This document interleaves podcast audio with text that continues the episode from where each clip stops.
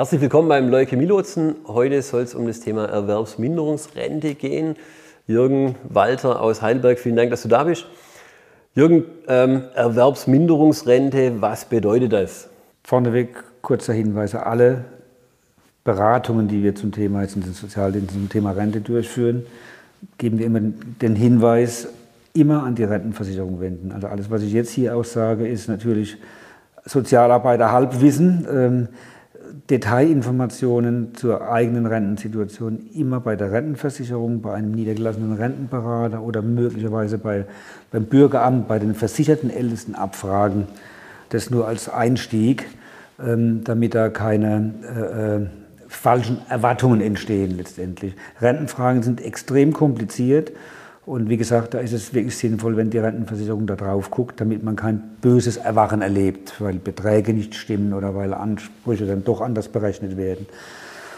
Ja, das vorneweg. Ähm, Erwerbsminderungsrente ist letztendlich die, äh, die Rente, die man erhält, wenn man nicht mehr arbeiten kann, wenn man in der Regel schon das Krankengeld ausgeschöpft hat, Arbeitslosengeld ausgeschöpft hat und man immer noch nicht zurück ins Erwerbsleben kann, dann bleibt eigentlich ähm, nur noch der Weg letztendlich in die Erwerbsminderungsrente. Ist eine Leistung der Rentenversicherung.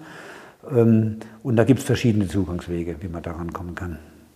Willst du vielleicht kurz zu so einem gängigen Zugangsweg, Reha, ich merke, ich bin nicht mehr leistungsfähig, auf welche Themenfelder muss ich da achten? ja, ein, Einstieg in die Erwerbsminderungsrente wäre zum Beispiel ein Reha-Verfahren. Ne? Reha-Verfahren dienen ja dazu, das Leistungsvermögen zu prüfen, zu gucken, wo steht jemand, was kann er und auch zu gucken, wo, wie werden denn die Weichen für die Zukunft gestellt.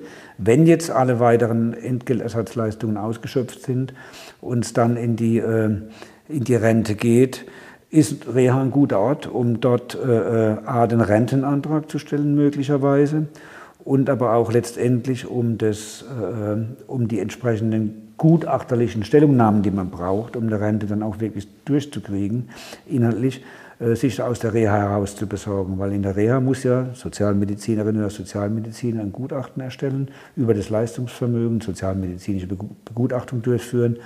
Und da stehen dann schon Empfehlungen drin für die Rentenversicherung, weil über die Rente entscheidet die Rentenversicherung, Sozialmediziner bei der Rentenversicherung. Und äh, die berufen sich zum Teil oder beziehen sich auf ein Gutachten, das aus der Reha kommt, aus der Reha-Maßnahme. Und da hat man selber auch ein bisschen Steuerungs- und Gestaltungsmöglichkeiten.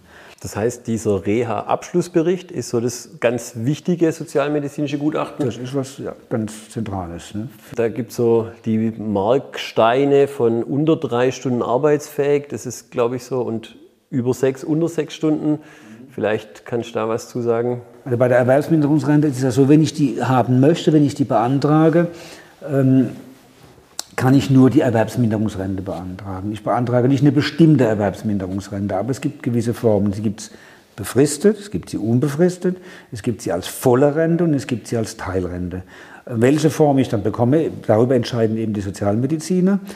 Und äh, bei der Teilrente ist es so, wenn das Leistungsvermögen auf dem allgemeinen Arbeitsmarkt zwischen drei und sechs Stunden liegt, dann äh, äh, ist es eine Voraussetzung für eine Teilrente. Wenn mein Leistungsvermögen über sechs Stunden liegt, dann habe ich überhaupt keinen Rentenanspruch. Also dann bin ich auf dem allgemeinen Arbeitsmarkt in der Regel voll einsetzbar. Also wie gesagt, zwischen drei und sechs Stunden eine Teilrente und unter drei Stunden wäre das ein Anspruch auf eine Vollrente. Befristet und unbefristet, äh, da äh, ist die Maßgabe eigentlich die, dass in der Regel erstmal befristete Renten äh, genehmigt oder gewährt werden. Es gibt Ausnahmefälle, gerade bei schweren Erkrankungsverläufen, wenn prognostisch klar ist, dass jemand nicht mehr arbeiten kann, werden sehr früh schon äh, unbefristete Renten gewährt, aber in der Regel werden die erst erstmal befristet gewährt. Aber das sind so die vier Unterschiede: befristet, unbefristet, Teil- und Vollrente. Also ganz wichtig, diesen Reha-Abschlussbericht sich vorher Gedanken zu machen was bedeutet es für mich wirtschaftlich, wenn ich in Erwerbsminderungsrente kommen würde und dann schon auch in der Reha, wenn man in der Reha ist, gemeinsam mit den Ärzten nach Wegen suchen und dann auch schauen, dass das im Arztbrief in diesem Reha-Abschlussbericht auch so entsprechend dargestellt wird. Gestaltungsmöglichkeiten nutzen ist, glaube ich, ganz immens wichtig, ähm, weil, wie gesagt, ich kann keine bestimmte Form beantragen. Wenn ich weiß, wo es so ein bisschen für mich hingehen soll, wie mein Lebensplan ist, ist die Reha oder ist eine Reha der Ort, wo man da noch letztendlich mit Weichen stellen kann, ähm, mit behandelnden Ärzten sprechen. Ähm, je nachdem, wie die Entscheidung getroffen wird, es kann sein, dass man zum Gutachter nochmal eingeladen wird und, und, und. Ähm, das ist auf jeden Fall wichtig zu gucken, dass man aktiv da das Geschehen versucht, so ein bisschen mitzukontrollieren und mitzugestalten. Und der beste Ort ist da eben eine Reha-Maßnahme und der Kontakt zu den Sozialmedizinern dort. Wie ist es, wenn ich eine Erwerbsminderungsrente jetzt zum Beispiel für drei Jahre volle Erwerbsminderungsrente habe, habe normalerweise einen Arbeitsplatz? Was passiert mit meinem Arbeitsverhältnis? Die, äh, es ist so, dass wenn ich ein Beschäftigungsverhältnis habe, dass der Arbeitsvertrag dann während der Zeit der Erwerbsminderungsrente bestehen bleibt, aber er ruht. Ähm, das heißt, das Arbeitsverhältnis bleibt weiterhin bestehen. Ich kann dann auch wieder zurück, wenn die Befristung beendet ist, ne, habe aber keinen Anspruch auf den gleichen Arbeitsplatz. Der Arbeitgeber muss mir einen adäquaten Arbeitsplatz zur Verfügung stellen, aber letztendlich habe ich auf jeden Fall mein Arbeits, bleibt das Arbeitsverhältnis bestehen. Etwas komplizierter, wenn ich eine Teilerwerbsminderungsrente habe. Mein Arbeitgeber muss dann irgendwie gucken, wie es da weitergeht? Genau, da muss der Arbeitgeber, je nachdem, wenn das kommt immer auf die, die Möglichkeiten an, die der Arbeitgeber hat. Große Arbeitgeber mit einer höheren Mitarbeiterzahl haben da auch weniger Probleme.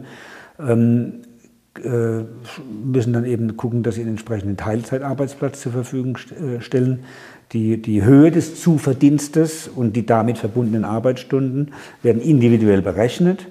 Und dann kann man gucken, dass man eben diese Stunden arbeitet noch und dann ansonsten eine Teil, äh, Teilrente bekommt.